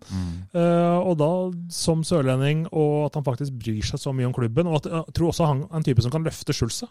I og med at Ja. de to er så gode kompiser også. Hvordan fungerer han i garderoben, f.eks.? Jeg tror han kan, han kan bety en del positivt for en fotballgarderobe. Så Jeg så det var en lokal fotballspiller på Sørlandet, Alexander Lind, Mm. som skrev på Twitter at eh, Ramsland burde vært eh, boks-til-boks-spiller. Ja, ja. Oh, ja. Mm. Ja, for han Eh, Indreløper. ja, for han hadde en voldsom det var, det var jo etter den Ranheim-kampen, var det ikke det? Jo, det kan være. Jo, for da, hadde, da var han veldig mye mellom boksene. Det var, var jo strengt tatt ikke så mye Nei, for han har jo veldig bra løpskapasitet. Mm. Um, og han er jo en kriger. Mm. Så eh, det er ikke noe dum tanke, det. Og det, for alt jeg vet, så kan det godt være det var sånn han spilte en periode tidligere i karrieren. Ja, nei, ja, Da kan han få lov til å ta kasta òg. ja, det gjør han jo. Men, eh, men eh, Nei. Jeg mista spørsmålet. Ja, men du, skal vi, skal vi eh, gå videre til å ta en sånn liten kikk inn i spår, spåkula eh, og se hvordan denne sesongen ender? Eh, før vi har, vi har fått masse lytterspørsmål, tydeligvis at vi har med oss en populær gjest. Det har rent inn. Eh, mye av det må nok spares til en seinere episode, for å si det sånn. Eh, men, men vi kan jo begynne med dette her. Hvem rykker opp? Det er vel ikke noe å lure på, vel? Nei, det er det ikke. Det er HamKam og Ålesund. Og da er det Hvordan tror du det Altså, kvalikplassen Mm. eh, Hvem tar Det er vel strengt tatt bare den siste, vel, som det er eh, litt sånn eh, Spenning rundt. Ja, spenning rundt nå. Sogndal kan jo også ryke sånn teoretisk. Ja, hvis de går på en, er sånn kjedelig hjemmetap mot Start, tenker du på? Ja. Ja. Altså Sogndal kan fortsatt ry ryke. Mm. Hva, tror, hva tror du der, Petter? Hvem, hvem griper den siste plassen?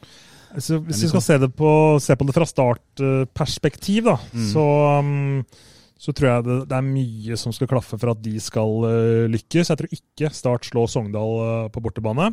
Men jeg tror Start har veldig god mulighet til å slå Sandnes Ulf på hjemmebane. Mm. Selv om Start er et fryktelig hjemmelag uh, denne sesongen her totalt sett. Komme seg nå, Så, ja, men så, så har man, uh, hvis du tenker på motivasjon også, som er, som er veldig veldig avgjørende i de siste serierunde spesielt. da.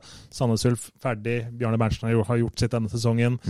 De spillerne de har booka bord på et utested på kvelden. ikke sant? Det er det som er fokuset. Mens, um, så jeg tror ikke Start um, Basert på det regnestykket, så har man jo for, for få poeng, da. Eh, med tanke på at det er fire poeng opp nå med to kamper igjen. Eh, Vi fikk jo et lite innspill fra Ja, men Davy Vatne. Ja, ja, Der han skrev at uh, IK Start er vel atskillig nærmere opprykkskvalifiseringen Fløy fotball var ny kontrakt når to seriene gjenstår. Troen på miraklet må ha fått ny kraft der sør. Måten Arendal fotball innhentet Eik fotball på, peker i samme retning. Det er mulig at, uh, mulig at Davy har litt sterkere tro på det guddommelige enn det jeg har. Men jeg, jeg tror ikke på det. Men, det- deg. men poenget er jo- ja, jeg vil bare si at Petter, eh, du avskrev jo Sandnes Ulf. De ligger jo poenget foran Start. De er tre poeng bak kvalik, faktisk.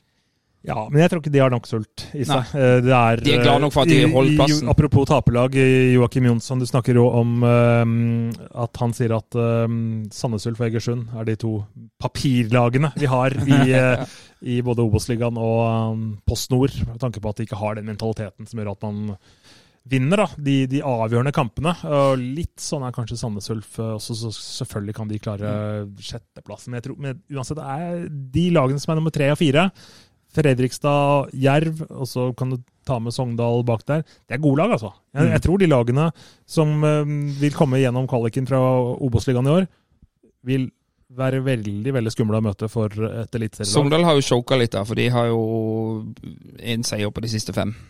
Sandnes Sandnes Ulf har vunnet fire av de siste fem. Jeg skal ikke være helt Amund Lutnes her, men nei, litt oversikt. Ja, ja, ja.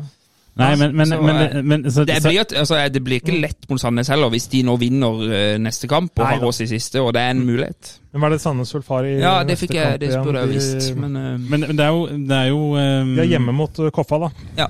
Ikke sant? som er en uh, sekspoengskamp sånn sett. Ja, En liten sånn dark horse her, faktisk, tror jeg. Men, men jeg, jeg tror jo, altså den, den, den kvalifiseringa nå er jo lagt opp sånn at det vil jo uansett være betydelig enklere for de ja, to øverste lagene, som jo er Fredrikstad og Jerv. Mm.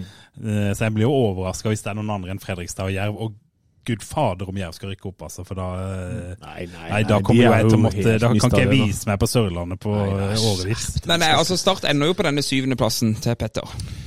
Ja, det, det kan fort skje. Og så skal det sies, eh, i og med at det sitter en startpod her og tippet start på sjuendeplass før sesongen og sånt, det er ikke sånn at jeg håper på det. Det er ikke sånn at jeg håper at det går i dass med start. Uh, på ingen som helst uh, måte, altså selv om det har vært veldig mye indikativitet rundt alt man har snakket om eh, med, med start de siste årene og sånne ting. Men vi kan ikke eh, gå rundt det som faktisk er fakta. Altså slik situasjonen er i start. Det er trist, men eh, en vakker dag så skal nok sola skinne på Sørlandet igjen. Og det samme sier Joakim Jansson. ja. Ja. Nei, men, men, eh, men eh, hvordan Altså, nå er det vel grunn til å tro at Mjøndalen går ned, vel? Mm. Eller det er jo ikke sikkert. De har jo 400 liv. ja, de De er ganske ekstreme sånn sett, det er de og Solskjær. Ja, ja det, Men, men den eh, 2022 Obos-ligaen, kan ikke den den, den blir jo ikke lett, lett den å komme opp fra. Den blir jo blytung.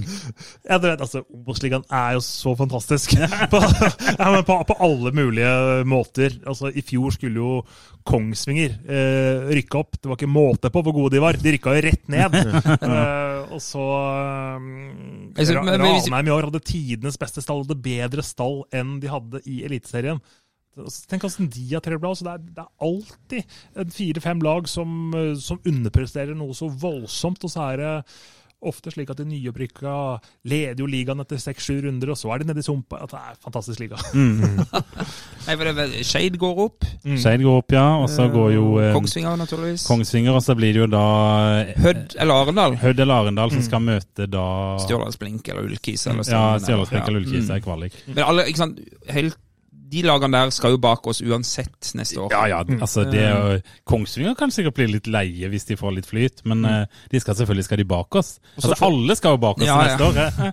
Men du får jo en situasjon hvor du f.eks. har eh, Fredrikstad værende, du har Sogndal-vernet, du har Jerv-vernet, og så får du Brann Jerv mister alle spillerne sine i vinter. Brann og Stabæk kommer ned. Oi, det, jeg gleder meg til neste år. Ja. Men Du er syk, da! Ja, ja, ja, ja. Jo, men eh, jeg merker jo bare nå med denne landskapspausen, så begynner jeg jo å sitre. Jeg gleder meg til å se start mot Sogndal. så det er, jo, det er jo et trist liv, det er jo det. men, men jeg syns jo at eh, Jeg synes jo det høres eh, Jeg jeg gleder meg faktisk litt til neste år. Jeg tror det kommer til å bli gøy. Men hvor stor er den katastrofen da hvis Start ikke rykker opp neste år? Den er ganske svær, både for klubb og altså det For det er så utrolig altså, det presset, Ja, men det presset som ved å liksom ikke rykke opp nå, og få hele den der eh, sesongoppkjøringa, Kjelmeball og hele opplegget der, Åsmund Bjørkan kanskje, nye spillere altså, det, det er fullstendig katastrofe for den klubben hvis ikke de rykker opp neste år. Ja. Men Men, Da lurer jeg på hvordan klubben skal overleve. Altså, hvis Altså, Brann går ned, og sånne ting, så vil jo ikke Start automatisk være nummer én-favoritten hos eh, de fleste. Nei, men det gjør ikke katastrofen noe mindre for klubben. Jeg, jeg sier Hvis de skal ha to år i Obos, og så skal vi ha eh, tre år i Obos, da, da begynner vi å Som du sier, hvem skal spille for klubben da? ja, tre år i Obos har faktisk ikke Start hatt siden perioden eh, 97, 98, 99. Da man jo på magisk vis rykka opp på, på eh, For etter det så har det bare vært to år maks. Og så har det vært opp og ned, opp og ned, opp og ned. opp og ned, opp og Vi ned. har jo faktisk et lytterspørsmål fra Marius Våge. Don de Brito på Twitter. Havner Brann over Start på Obos-tabellen neste år? Hvis du klarer å se inn i spå... Nei, det, det, han få jeg, jeg, jeg skal ikke være helt Lille Bendris her og si at jeg kan, kan spå det allerede. For at det, det blir så spennende å se La oss si at de ikke får den kvalikplassen her nå, blir 7-8, eller eh, om man får redda sesongen med at man ikke kommer i noen nedrykkskvalik, som, som man følte litt på kanskje en liten, en liten eh, periode. Men da har jo plutselig Kjelmeland tid, ikke sant? Mm. Da har han jo tid fra desember til eh, mars slash april eh, til å sette et lag til å eh, jobbe med denne ekstreme spillestilen som vi kanskje forventer å se enda mer av gjennom vinterens treningskamper, eh, med å få de spillertypene som skal dominere mer i en slik spillestil, men få mer ut av Valsvik f.eks., som egentlig var ment som å hentes for å være hjertet i den spillestilen for å bestemme litt og, og være hans eh, forlengede arm ute på banen. Og så får du to-tre andre sånne typer som elsker å spille den uh, fotballen. Da kan det jo bli utrolig bra hvis du får én til to, kanskje til og med tre kvalitetsspillere som er ordentlig gode. Det er jo de det er de som mangler litt på Og da lurer jeg på, for dette du har jo god kjennskap til tysk fotball, har jeg forstått, Mm. gjennom mm, agentjobben din og litt sånn. Um, det var vel også et spørsmål? vi Ja, det var, det var et uh, Jeg syns det var et veldig bra spørsmål. Som Eh, gikk på nå Ja, det gikk Hvis du drar Doimeland som eksempel, som var klubbløs uh, tysker og på en måte gikk rett inn og ble en av Eliteseriens beste keepere, Mm. Ser du for deg at det ligger et sånn potensial for en klubb som Start i sånn andre, tredje Bundesliga? Og sånn økonomi-wise, om det Ja, altså det, det kan de gjøre, men jeg tror nok for en del klubber så er det viktig å bestemme seg for litt markeder hvor du skal spesialisere deg. Fordi eh, du, du får jo tusenvis av slike henvendelser. Schrøter som eh, Jerv henta, tyskeren. Alle klubbene i Obos-ligaen fikk, fikk tilbud om han. Absolutt alle fikk mail om han. Jerv tok det litt videre og har truffet han i hvert fall denne sesongen. her. Altså, så får vi se neste sesong om han blir en suksess. Var det en sånn tredje Bundesliga-spiller, eller noe sånt? Ja, noe sånt. Jeg husker ikke hvilket nivå han var på. Men det fins så mange ute i det spillerhavet som ikke har kontrakt, og som er desperate etter å få en slik mulighet. Så Men en som spiller uh, ca. fast i andre og tredje Bundesliga, er det, er det aktuelt for de å gå til en Obos-klubb i det er litt forskjellig fra klubb til klubb. Altså Der er det klubber som har 20 000 på tribunen uh, også, ja, liksom. Og da har man jo en viss, en viss Ja, økonomi. Kaiserslautern er vel i liksom, ja, tredje. Bundesliga. Ja, så, så det fins en del av de der, men uh, Er det et marked du tror at Start kunne ha vært i, og fått suksess? Nei, ikke fått suksess. Eh, Det, det gjelder Nei, alle fordi- markeder. Nei, nei, for, det, for det, det, det krever tid, da. Altså, det, det krever at du faktisk uh, Man er for utålmodig i Start Ja, ja, ja, e- Mm. e- egentlig. Så, så, så jeg tror det er bedre å konsentrere seg eh, om det skandinaviske markedet først og fremst. Og så har man jo sett at enkelte klubber har hatt suksess med afrikanske talenter. Ja, for vi er og, der nå. Og, og, og den biten, eh, biten der, og det, det syns jeg er litt mer spennende. For der er oppsiden så stor eh, at du kan eh, så, Det kan man jo ofte- tjene penger på. ofte gå inn med litt Ja. lite midler og prøve å feile litt. Og så, men, men da, da er du likevel avhengig av å ha de spillerne som de gjenser opp til. da. De som stikker seg på trening, de som de kan lære av når det gjelder holdninger, hvordan man skal være en proff fotballspiller. For at for dem, hvis de kommer i en litt sånn skakkjørt gruppe som taper kamper hele tida, hvordan skal de prestere? Hvordan skal de For de, de det er ikke de som skal uh, Nei, Jeg er sånn naturlig skepsis til sånn Afrika, i hvert fall i forbindelse med Start. da, for Vi har vært så dårlige til å integrere de tidligere. Ja. Uh, Så man har liksom ikke fått ut eh, 100% av potensialet. Eh, Det gjelder ikke alle tilfellene. Nei, det gjør det ikke. Det, Ja, man prøvde vel med Djupvik, da. Han skulle være en slags Ja. integreringsminister. Og, Men han og- hadde jo forferdelige arbeidsvilkår, Ja, tydeligvis. og ta seg, ja, han ble ikke integrert selv. det kan være tøft å komme som en normal nordmann ned til Sørlandet. Det er blytungt. Men, Det er ingen som sier noe. men du som har altså hvis, Ok, jeg finner kanskje noe i Afrika, da, eller, men, men altså hvis Ramsland ikke får øh, kontrakt, så står vi jo med uten spiss Mm. foran Obos 2022. og Da rykker Ah, vi ikke opp. ah, ah, vi har eh, Emil Grønn Pedersen. Ja, absolutt. Vi har Jeg eh, står, Cameron Cresswell. ja, jeg står fortsatt for mitt, at vi har egentlig ikke spiss. Eh, eh, kan du komme med noen navn som kunne ha vært aktuelle, som til og med også hadde hatt lyst, tror du? Ja, det er det vanskelige, ikke sant? Ja. Fordi eh, jeg tror veldig mange føler på en, en risiko å gå til Mm. start. Uh, for hva er det som gjør Start attraktiv, mer attraktiv å gå til enn Sogndal, da? Det er podkasten. For å stille det spørsmålet. Nei, fordi Sogndal har jo Akoji Jerome Adams, Ja, som er en veldig spennende spiss. Men han går jo ikke til Start, Nei, naturligvis. ikke sant? Nei. Ikke sant? Men, eh, men for en del år siden, da dette Start en drøm-opplegget eh, slo enda hardere i bordet, så ville han gått til Start. Mm. Ikke sant? For da var det dritspennende. Det Sett utenfra før man feila og feila og feila. Men nå har man ikke de mulighetene der lenger, da. Og I Obos-ligaen, hvem er det som har skåra mye mål i år? Eh, Jo, Melkersen har skåra mye mål i Ranheim. Han signerte en ny kontrakt med Bodø-Glimt nylig. Oskar Aga skal jo videre til eh, svensk ja, ja. ja. fotball. Så har man vel Markovic omtrent på tredje-fjerdeplass Mm. på lista der. Vi prater, vi prater jo så mye om Joakim Holtan, Ja. eh, Bryne-spilleren. eh, At han skal Mm. til Start, da. Ja. Eh, Men er ikke, det, er, er ikke det omtrent Ramsland en gang til? Jo, det er jo det. Jo, det Er det er jo, hva skal man med flere av de, de der? Jeg vil heller ha en som uh, Ramsland må strekke seg litt etter, da. Som er litt Mm. mer proven. Men Det er jo litt interessant også i forhold til Ramsland og ny kontrakt. Han kan jo bli andrevalg noe han må tenke på oppi alt dette her? Han bør jo, altså Hvis vi skal bli et eh, stabilt eliteserielag, så tror jeg jo han bør være andrevalg. Men, men vi er jo ikke der ennå. Sånn at eh, for meg så ser han jo fortsatt ut som et klart førstevalg i Obos. Mm. I hvert fall når du ser på den stallen som, Finn, som er der nå. Ja. Der, Altså- der er det jo i realiteten ingen alternativer. Altså For meg så er det helt åpenbart at Ramsland skal ha ny kontrakt. Det er helt, øh, helt åpenbart. Der i den posisjonen vi er nå. Mm. Men eh, vi må jo ha en spiss etter hvert. Men, Men, vi men må tror du han hadde gått med på å være andrevalg? Signert ny kontrakt nå. Han er sikkert veldig fysen på å vite hva eh, Kjelmeland tenker om han neste sesong. Sin, Sindre, skal du satse på meg neste sesong, og så kan kanskje ikke Kjelmeland garantere det, og så sitter han der uten kontrakt? Jeg vet ikke om, Er det dette aspektet man må ta med i hele Ja, det, det kan du si, da. Og, men, men hvis han ikke vil det, så får han spille i Strømmen, da. For det er alternativet. Ja. Det er det eneste alternativet.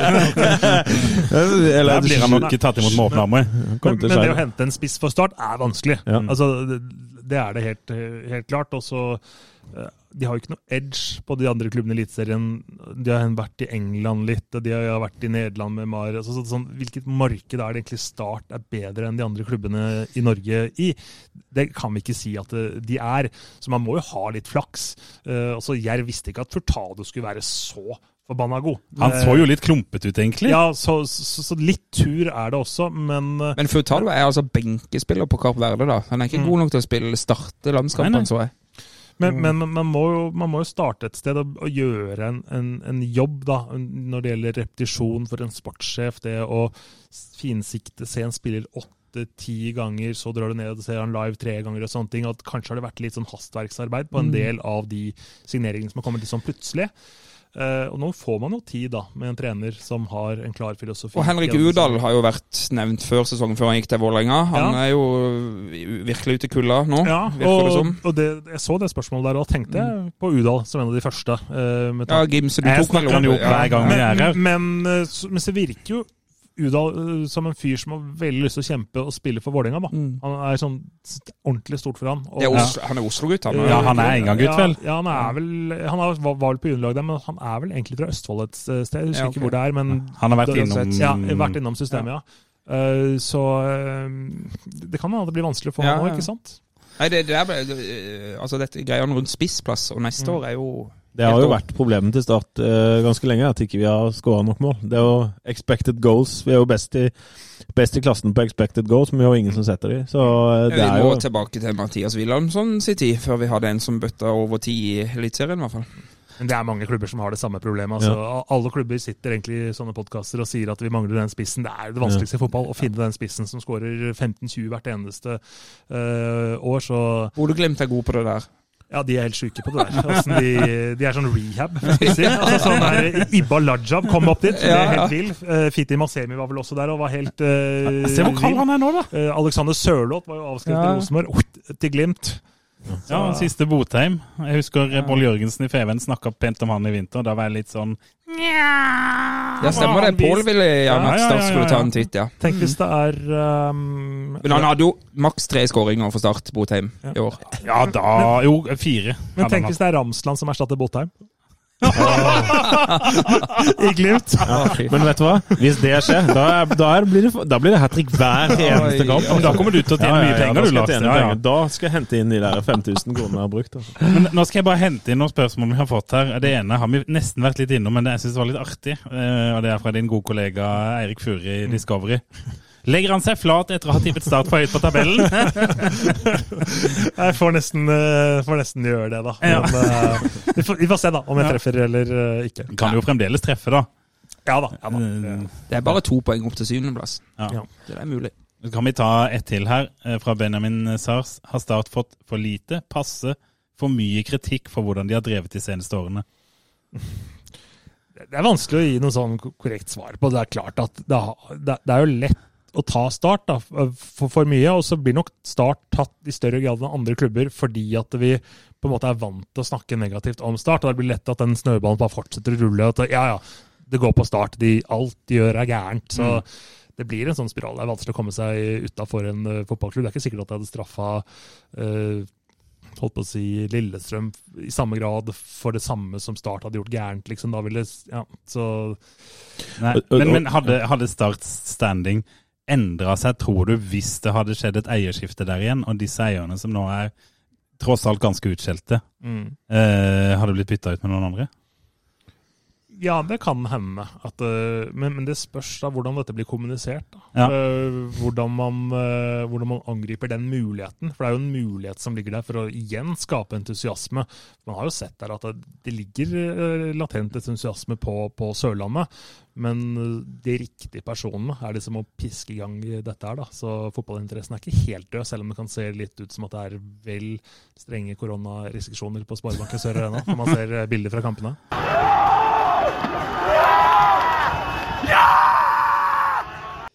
Og da, Petter, går vi over til vår faste spalte når vi har gjester her. Ditt beste startminne, Ja. og hva blir det? Det blir mitt, mitt verste, tenker jeg. Den er faktisk ganske enkel. Det er en uh, desemberkveld fra 2019 som sitter uh, dypest i meg. Og da tror jeg vi kan ta oss og spille av det, bare for å liksom sette oss litt i riktig stemning. Ja, forlenges tid mot Martin Ramsland. Skal du sette etter? Og så gjør han det! Martin Ramsland! Har du sett? Han kommer til å bli større enn Jesus på Sørlandet etter dette! Tre mål! Ja. Den er jo helt fantastisk, eh, den der. Ja, det var litt av en, eh, litt av en, en kveld. Altså, det, det, det er en dag jeg aldri kommer til å glemme, og det er jo ikke slik at jeg satt før den kampen der og håpte på at Lillestrøm, Lillestrøm skulle lykkes, eller at Start skulle lykkes. Jeg kom jo dit egentlig for å gjøre en jobb, da, og for å liksom leve med fotballkampen. Og jeg vet jo hvor mye som står på spill. Altså, Det er det som er så fantastisk da, med disse playoff-kampene. Jeg syns det er det kuleste jeg kan gjøre. Og for meg er det veldig stort å få en mulighet til å kommentere nettopp den kampen. Eh, For det er jo ikke sånn at jeg nødvendigvis alltid har eh, hovedkampene hos oss i Discovery. Eh, Jeg har ofte kampene som er litt, litt bak, sånn sett. Så for meg var det et stort øyeblikk å få lov til å være med og fargelegge litt da, av de to kvalikkampene. Hadde den første også på, på Sørlandet, og at vi skulle få den dramatikken. Eh, det er jo sånn at Hadde dette vært en film, så hadde vi skrudd av. For det var urealistisk. ikke sant? Ja, det, det manuset hadde blitt refusert. Ja, si ikke sånn, sant? Sånn, nei, for meg, de, de kan jo ikke fotball, de som har lagd den filmen her. Så det, det, var så, det er så mye inntrykk da, fra den kvelden som fremdeles sitter så sterkt i. Mm. Men er det altså, ditt største startminne? Så hvis noen sier start det', det, så Mm. er det det som ligger lengst fremme?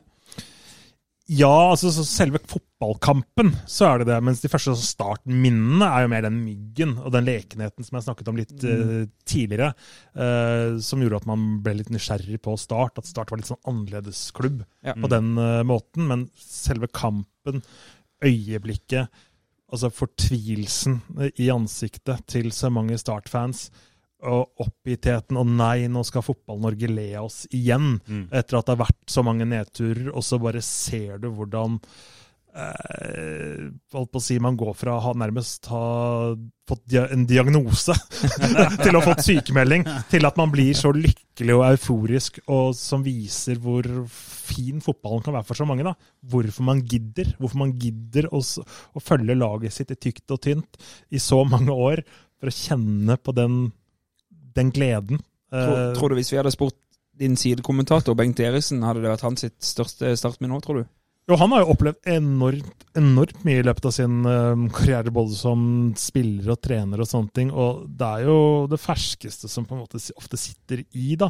Så eh, han sa det jo til meg da jeg møtte han et, en uke eller to etterpå. Sånn, åh, det der var vilt, Petter. Altså, det, det, det, det, det vi opplevde den, den kvelden der, det var det var helt, helt uh, vilt. Og mm, sånn som kampen gikk, da, så tenkte man at ah, ja, blir selvfølgelig stemninga med LSK-fansen som var fantastisk. Det var helt vanvittig å se hvordan de også hadde mobilisert i den kampen. Og dette trøkket egentlig det spillerne gikk ut på banen for å varme opp og sånn. Du kjente at det her var en spesiell fotballkveld. Men du trodde ikke at kampen skulle bli så spennende og så intens da Lillestrøm fikk den skåringen etter to minutter? Eller halvannet minutt, var det vel? 1.08. Ja. Mm. Typisk, tenkte jeg, å banne på tribunen. Det ble vel servert noen gloser. eh. Men vi trenger jo ikke gå mer i dybden på den, for det kommer jo mer seinere. Ja. Ja, vi må vel prøve å lage en sånn Åråsen spesial. Og da Jeg har jo ikke sett slutten ennå, så jeg må jo, jeg, må se. jeg må jo snart oppleve dette.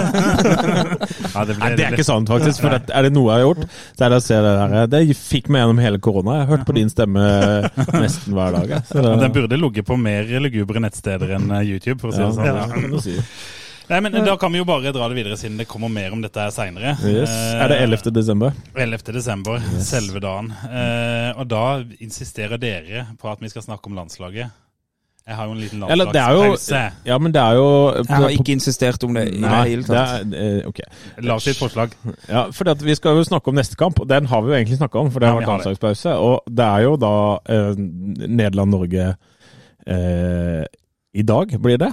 Og så sitter du Du har jo stor kompetanse, da. Hvor, eh, hvordan går det?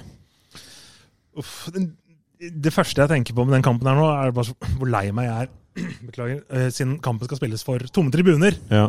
Ah, Det gjør at den kampen her ikke blir sånn så spesiell. eh, Men fordel Norge? På mange måter. Men er det det? Er det ikke litt kult for de spillerne også Ja, å men spille 50 000 hollendere på The Coip Det er god stemning der, da. Ja, jeg Ja. tror det kan være fordel Norge. altså. ja, kanskje, kanskje vi må selvfølgelig bruke Men jeg har en liten startanekdote òg der, faktisk. For uh, år, årets Nei, uh, det var på Amsterdam. Ja, det var det, ja. Hmm. Eh, årets sponsortur til, for Start sine sponsorer Mm. skulle jo selvfølgelig være til denne kampen her. Så den ble avlyst i går. Alt går galt. Så da ble det storskjerm på Hotell Norge. i Men sant, det er ikke, dette, er jo ikke, dette er jo ikke Start sin feil, selvfølgelig, men er det, nei. det er så typisk. ikke sant? Alt. Ingenting stemmer. Det er ikke, det, det er ikke lett å jobbe i den avdelinga i klubben nå, tror jeg. Uff. Men uh, Da bør tilba- jo- tilbake til landskampen som vi spurte han om, da. Vi må Ja. behandle gjesten godt. Altså, hva, hva tror du om kampen? Uff, det blir nok tøft uten um, Erling Braut Haaland spesielt. Da, for Ja. det er på en måte den spilleren som jeg tror kunne, kunne vippet den kampen i vår uh, fordel. Da, uh, til vår fordel. Um, det er jo så typisk at den Latvia-kampen er det vi kommer til å se tilbake på, at det der røyk uh, muligheten. Uh, hvis vi skal tippe åh, Det er veldig, veldig vanskelig, men uh, skal vi ikke tro at han der dødballtreneren vår kan uh, finne Ja. på noe lurt til den kampen der, og at vi kan i hvert fall få med oss en uh, uavgjort, og så har vi litt marginer med oss, slik at det blir en playoff likevel. da. Er det ikke, nå husker jeg ikke alle det, Vi er jo litt avhengig Nei, av dette Tyrk, resultatet. hvis Tyrkia vinner og Norge Ja, men- spiller uavgjort, så er vi nummer tre. Ja, men Tyrkia, tenk, eh, det er ikke sikkert Tyrkia vinner. Nei. Nei, det, det er vel kanskje håpet, det. Det er det jeg ser Ja. på som håpet, for de Mm. møter vel Montenegro, gjør Ja. ikke det? Og, Og de har jo vist nå, mot Nederland, at de er ikke noe kasteball sånn Nei da. Så jeg tror kanskje det er det som vi må, eh, må håpe på, altså. Men er det sånn, er det sånn å forstå at hvis uh, Tyrkia og Norge vinner, så ryker Nederland? Ja. Ja. Fy fader. Det er gøy, da. Sondre Tronstad skulle ha spilt denne kampen. Ja, Han skulle det, faktisk. Skulle Ja, Han har spilt mot Tottenham etterpå. Ja, nei, jeg har, ikke, jeg har ikke noe å tilføre akkurat der. Nei, altså, jeg kjenner landslagspause. De må ikke være for ofte. Nei, men nå har jo jeg hatt en sånn Jeg er jo sånn der døll type som ikke gidder å se noe som Qatar-relatert.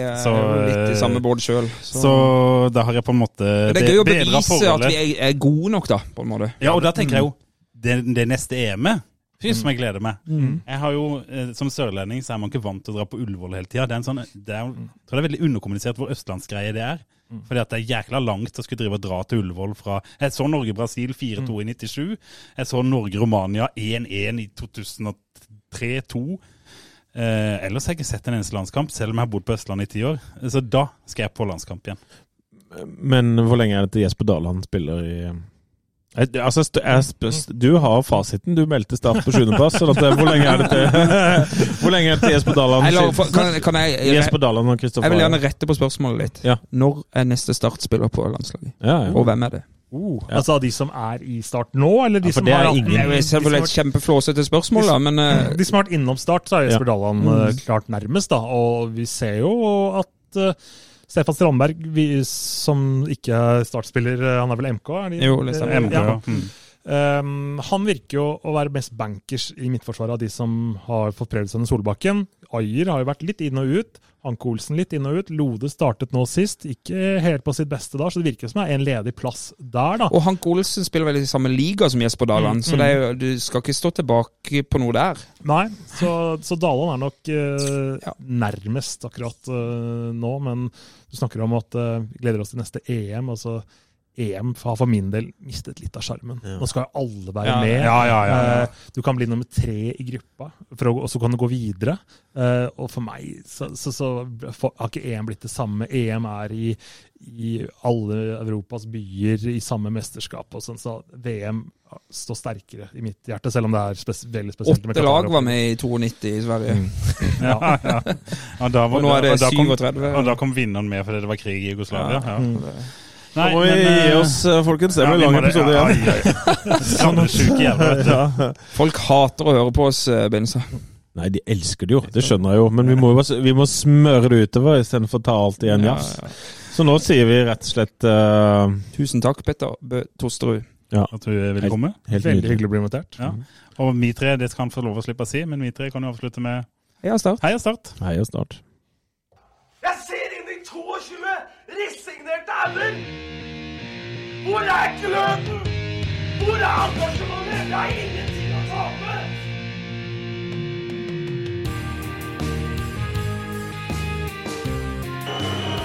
Ja, forlenges tid på Martin Ramsland. Skal du sette etter? Og så gjør han det! Martin Ramsland! Har du sett? Han kommer til å bli større